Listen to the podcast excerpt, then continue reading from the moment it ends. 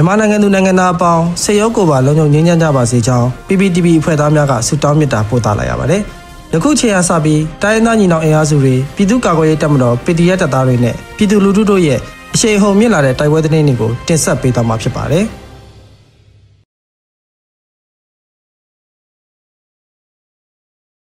ပထမဦးစွာမုံရမန္တလေးလမ်းမိုင်းတွင်စစ်ကားအစီးတရာပါရှင်တန်းနှင့်ရှေ့ပြေးကားများမိုင်းဆွဲတိုက်ခိုက်ခံရပြီးစစ်သား3ဦးသေဆုံးကအများအပြားထိခိုက်ဒဏ်ရာရတဲ့တဲ့တင်တင်ဆက်ပါမယ်။မုံရမန္တလေးလမ်းမိုင်းတွင်စစ်ကားစီးတရာပါရင်တန်းနှင့်ရှေ့ပြေးကားများကိုဒေသခံကာကွယ်ရေးတပ်ဖွဲ့များကယနေ့ဇွန်လ22ရက်နေ့တွင်အကြိမ်ကြိမ်မိုင်းဆွဲတိုက်ခိုက်ခဲ့ပြီးစစ်သား3ဦးထပ်မံသေဆုံးကအများအပြားထိခိုက်ဒဏ်ရာရရှိခဲ့ကြောင်းမြောင်မြို့နယ်တော်လှန်ရေးတပ်ဖွဲ့ MRA ထံမှသိရတာပါ။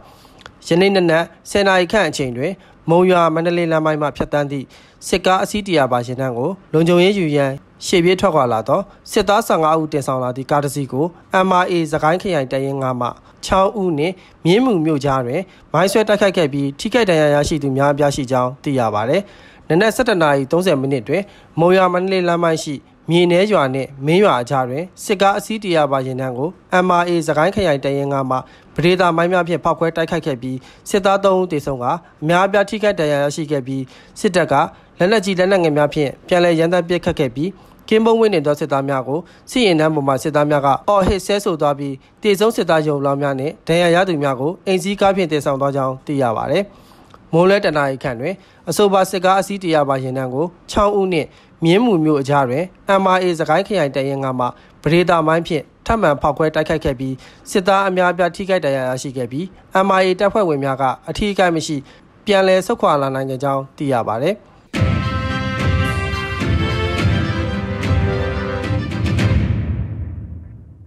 ဆက်လက်ပြီးဖားကတ်မြို့နယ်မစွရံအချုပ်ထောင်တွင်တပ်ဆွဲထားသောစစ်ကောင်စီတပ်ဖွဲ့ကို KIA ပူးပေါင်းတပ်ဖွဲ့တိုက်ခိုက်တဲ့တဲ့တင်တင်ဆက်မှာပါကချင်ပြည်နယ်ဖားကတ်မြို့နယ်မစွရံကျေးရွာရှိအချုပ်ထောင်တွင်တပ်ဆွဲထားသောအကြမ်းဖက်စစ်ကောင်စီတပ်ဖွဲ့ကိုယနေ့ဇွန်လ22ရက်နေ့မနက်၄နာရီခန့်တွင်ကချင်လွတ်မြောက်ရေးတပ်မတော် KIA နှင့်ပြည်သူ့ကာကွယ်ရေးတပ်ဖွဲ့ကလက်နက်ကြီးဖြင့်ပစ်ခတ်တိုက်ခိုက်ခဲ့ကြောင်းသတင်းရရှိပါသည်။ KIA ပူးပေါင်းတပ်ဖွဲ့ကဥရုချောင်းတပ်ဖက်ကမှနေ၍လက်နက်ကြီးများချော့တိုက်တုံးများဖြင့်အကြိမ်ရင်20ခန့်ပစ်ခတ်ခဲ့ကြောင်း လက်နက်ငယ်များဖြင့်အပြန်အလှန်ပစ်ခတ်မှုများရှိကြောင်းဒေတာခန်များထံမှသိရှိရပြီးစစ်ကောင်စီတပ်သားထိခိုက်ဒေဆုံးမှုရှိမရှိကိုကနအူးမသိရသေးပါဘူး။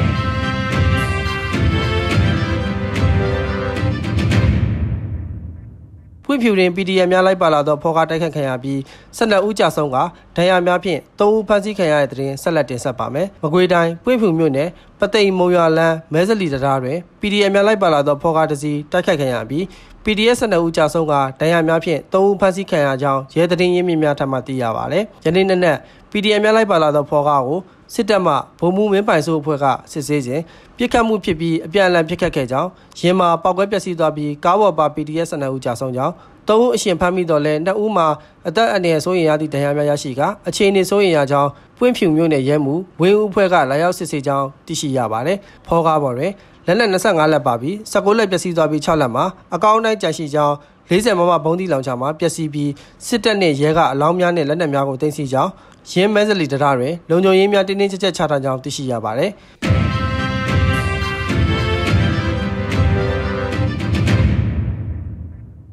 ခင်ဦးတွင်ရေဦးရဲစခန်းမှရဲမှုဦးထွတ်ခိုင်ပါဝင်ရဲစက်တအူးလိုက်ပါလာသောဖော်ကားပြစ်ကတ်ခံရပြီးစက်တအူးလုံးတေဆုံးလက်နက်စက်တလက်သိမ်းဆီးရမိတဲ့တဲ့တင်တင်ဆက်မှာပါ။စကိုင်းတိုင်းခင်ဦးမြို့နယ်ကန်တစ်ရွာအနောက်ဘက်မူးချောင်းတရာနီတွင်ခင်ဦးမြို့မှထွက်ခွာလာသောရေဦးရဲစခန်းမှဒူရဲမှုဦးထွတ်ခိုင်ပါဝင်ရဲစက်တအူးလိုက်ပါလာသောဖော်ကားယနေ့နေ့နဲ့9:30မိနစ်အချိန်တွင်ပြစ်ခတ်တိုက်ခိုက်ခံရပြီးကားပေါ်ပါရဲစက်တအူးလုံးအားလုံးတေဆုံးသွားကြောင်းဒေသခံကာကွယ်ရေးတပ်ဖွဲ့များထံမှသိရပါသည်။ စကိုင်းတိုင်းဒေသကြီးရွှေဘိုခရိုင်ခင်ဦးမြို့နယ်ခင်ဦးရေဦးမင်းတောင်ကျေးရွာလမ်းတွင်လမ်းကြီးကောက်ခံပြီးခင်ဦးဘက်သို့မြေသက်စကတ်ကားပင်ပြန်လာသောဒူရဲမှုစိုးထွတ်ခိုင်အပါအဝင်ရဲစက်တအူကိုခင်ဦးကန်တဲ့တရာနီတွင်ခင်ဦးပကဖနှင့်နေပြည်တော်ကာကွယ်ရေးတပ်ဖွဲ့များကတိုက်ခိုက်ရာအားလုံးတေဆုံးပြီးလက်နက်17လက်ကိုတင်ပတ်ရရှိခဲ့ခြင်းဖြစ်ကြောင်းအသေးစိတ်ဆက်လက်ထုတ်ပြန်မိဖြစ်ကြောင်းသိရှိရပါတယ်။အဆိုပါတိုက်ခိုက်မှုကို NLGRF အဖွဲ့ရောင်နီပျောက်ကြားအဖွဲ့မြို့နယ်ပကဖအဖွဲ့နဲ့အခြား local အဖွဲ့အစည်းများကဝိုင်းဝန်းပစ်ခတ်တိုက်ခိုက်ခဲ့ခြင်းပါ